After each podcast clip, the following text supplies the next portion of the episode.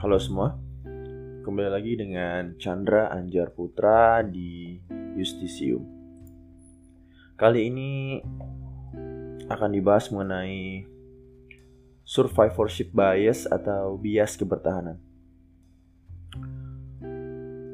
Rekan-rekan semua pasti sudah tahu dan sudah pernah mendengar cerita sukses. Berbagai jenis cerita sukses kita bisa temukan di mana-mana. Apalagi di kanal-kanal YouTube. Kita tahu cerita-cerita sukses ini sangat indah untuk ditonton, sangat indah untuk didengarkan dan sangat indah pula untuk diikuti.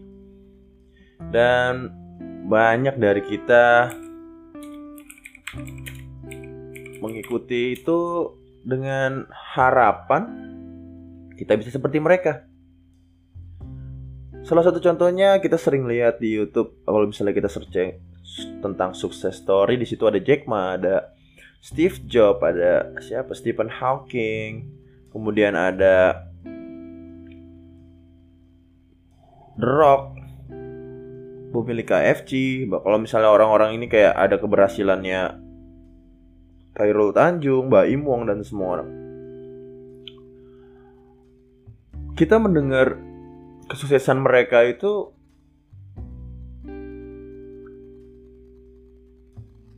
membuat kita yakin bahwa kalau kita melalui jalan yang sama dengan mereka, kita bisa jadi sukses. Seperti halnya mereka. Tapi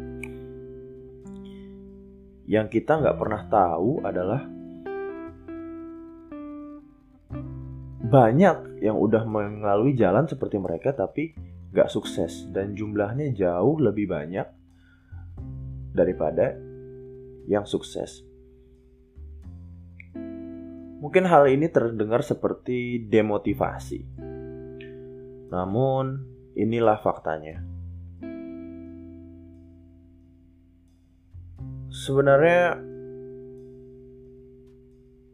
hal ini mengerucut kepada sebuah bias kebertahanan. Sebelum kita bahas tentang apa itu sih sebenarnya bias kebertahanan dan kasus-kasusnya, kita harus tahu definisi dulu dong. Teman-teman bisa lihat aja Wikipedia maksud dari bias kebertahanan. Intinya sih kalau dijelasin itu sebuah kesesatan logika di mana seseorang itu fokus kepada hal-hal yang melewati proses seleksi dan mengabaikan hal yang tidak lolos untuk mengambil suatu kesimpulan. Kadang-kadang yang diabaikan itu juga bisa karena memang karena nggak lolos atau nggak terlihat, sehingga data yang diperlukan bisa aja sebenarnya hilang.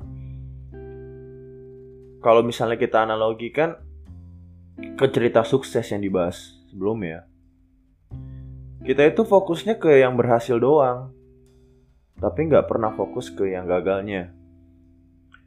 Kita tuh fokusnya dengan cerita-cerita yang mereka alami dan langkah-langkah yang mereka jalani, tapi kita nggak pernah tahu proses-proses dan kegagalan-kegagalan yang mereka alami sekecil apa pun itu.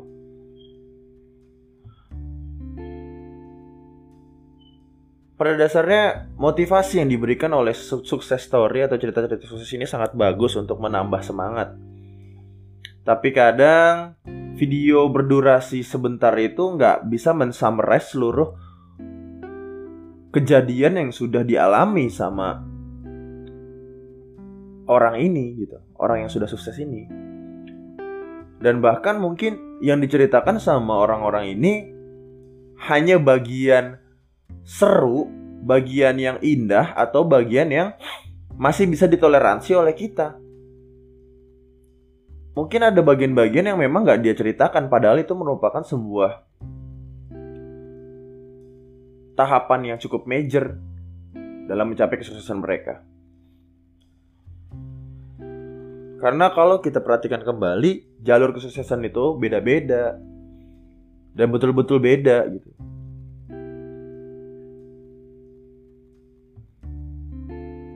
Kesalahan-kesalahan berpikir ini pada dasarnya akan membuat orang-orang yang mengikuti cerita sukses itu secara membabi buta melupakan hal yang paling penting, yaitu satu kapabilitas diri dan dua ikhtiar dan doa yang dilakukan. Kalau misalnya berfokus kepada kesuksesannya aja, hal itu akan membuat orang-orang yang mengikuti jalur kesuksesan yang ditonton ini merasa bahwa kalau saya melakukan hal yang sama saya pasti sukses. Dengan pikiran instan itu mereka akhirnya menghabiskan waktu mereka menghabiskan resource mereka dan menghabiskan sumber daya mereka yang mungkin dalam tanda kutip pas-pasan untuk mengikuti jalur tersebut. Dan akhirnya mendapatkan kekecewaan. Walaupun kekecewaan itu merupakan bagian dari proses. Tapi ada satu hal yang gak bisa kembali, yaitu waktu. Waktu yang sudah dilakukan dan disia-siakan dalam menjalankan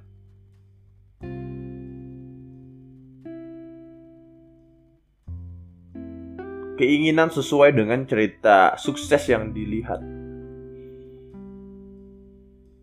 Berarti permasalahannya ada di mana? Apakah di orang yang menceritakan cerita sukses atau mereka yang menontonnya atau melihat atau membacanya.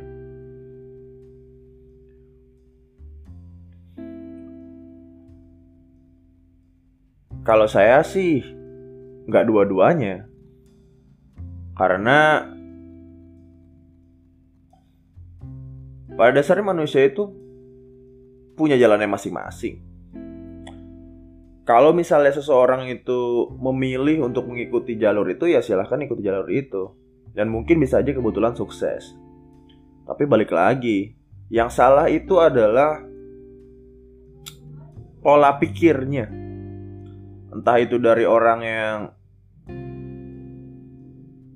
menjelaskan cerita suksesnya ataupun orang yang mengikuti cerita sukses tersebut kalau orang yang dari orang yang menjelaskan ya berarti seharusnya orang ini menekankan gitu bahwa ada survivorship bias di sini. Eh maksudnya ada yang namanya istilahnya survivorship bias. Kalian tuh jangan fokus sama keberhasilan saya saja, tapi banyak orang yang mencoba seperti saya tapi tidak bisa gitu. Fokusnya juga ke sana. Kalau dari orang yang mengikuti, berarti dia harus memahami di awal bahwa daripada fokus kepada keberhasilan yang sudah diraih orang lain, kenapa nggak fokus sama melihat kapabilitas diri dan usaha dan serta doa yang dilakukan gitu.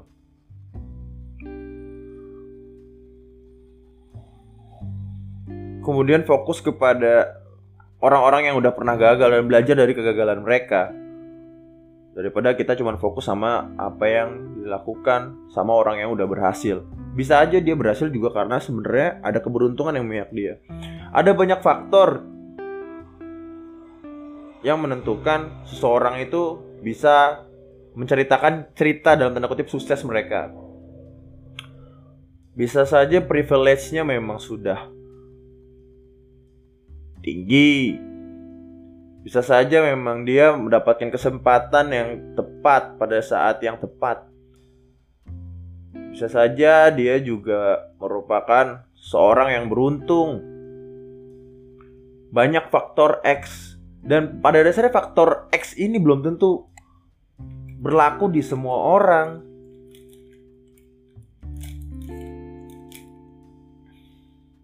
Terus solusinya gimana ya? Kembali lagi secara subjektif walaupun saya mencoba se seobjektif mungkin saya hanya bisa menyampaikan apa yang saya pikirkan ketika saya duduk di posisi orang yang mendengar cerita sukses. Yang pertama yang akan saya lakukan adalah saya berusaha untuk memahami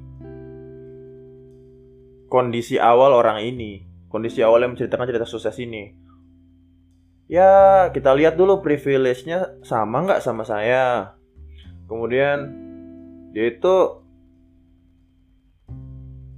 kapabilitas dirinya sama nggak sama saya? Apa ternyata dia itu lebih cerdas atau lebih punya kemampuan yang lebih gitu jadi nggak bisa diikutin sembarangan kayak gitu. Yang kedua saya hanya menjadikan cerita sukses itu sebagai motivasi bukan sebagai tujuan hidup atau sebagai guideline gitu sukses story sukses story itu cuma sebagai motivasi aja. Oh ya udah ada orang yang pernah sukses di sini. Yo keren selamat ya. Mudah-mudahan saya menjadi seperti itu. Saya berdoa saja. Apabila kalau misalnya saya mendapatkan posisi seperti itu ya saya lakukan uh, hal yang baik juga. Kayak gitu. Tapi bukan jadi guideline. Guideline sejati itu sebenarnya nggak pernah kelihatan gitu. Manusia itu kan belajar seumur hidup dia gitu bagus punya goal dari sukses story orang tapi gak akan ada jalan yang sama persis yang dialami oleh satu orang dengan satu orang yang lain gitu jadi fokusnya ke usaha dan jalannya, bukan ke cerita yang disampaikan oleh orang lain, cerita dia ketika sukses. Yang ketiga dan terakhir adalah berhentilah bermimpi, teman-teman. Kalau saya sendiri berprinsip mimpi itu cuma untuk orang tidur. Itulah kenapa disebut mimpi. Kita tuh kan mimpi kalau misalnya kita lagi tidur. Ketika kita tidur kan kita nggak berbuat apa-apa, kita istirahat. Ya kalau misalnya kita mau mencapai tujuan kita ya jangan mimpi, Ber, ya bangun, ya usaha, ya gerak, ya mm, berusaha untuk membuat perencanaan, kemudian berusaha untuk mengaktualisasikan perencanaan kita, kemudian kita berusaha untuk mengelola perencanaan tersebut dan kegiatan yang sudah diaktualisasikan, baru kita coba untuk melakukan pengel melakukan kontrol terhadap apa yang sudah kita lakukan dan itu dilakukan secara cycle gitu. Ya kalau misalnya kita cuma mimpi doang, mimpi doang ya sama aja kita tidur gitu. Kita cuma ke punya kepengenan atau keinginan tanpa kita melakukan sesuatu atau kita ngelakuin sesuatu tanpa perencanaan. Istilahnya besok gimana entar atau ya nanti juga ada jalannya. Ya nanti juga ada jalannya, jalan ke mana? Jalan ke jurang. Mungkin itu. Konklusinya berkaitan dengan bias keberhasilan ini, bias kebertahanan ini yang harus digarisbawahi adalah jangan pernah fokus hanya pada keberhasilan, tapi juga lihat seberapa banyak sampel yang gagal. Yang jelas lihat kansnya gitu. Lihat lihat lihat chance-nya gitu. Kalau misalnya untuk melihat sukses story orang lain itu lihat chance-nya. Chance juga bisa ditingkatkan dengan kemampuan diri dan sebajak sebesar apa usahanya, setinggi apa privilege-nya dan ya seberuntung apa ketika kita mengalaminya gitu. Jadi jangan pernah jadikan success story itu sebagai guideline. Jadikan itu sebagai motivasi saja cukup. Karena kita ngejalanin hidup kita sendiri, bukan ngejalanin hidup orang yang menceritakan success story. Mungkin itu saja. Sekian dari Justisium. Selamat. Eh, bukan selamat. Sampai jumpa lagi.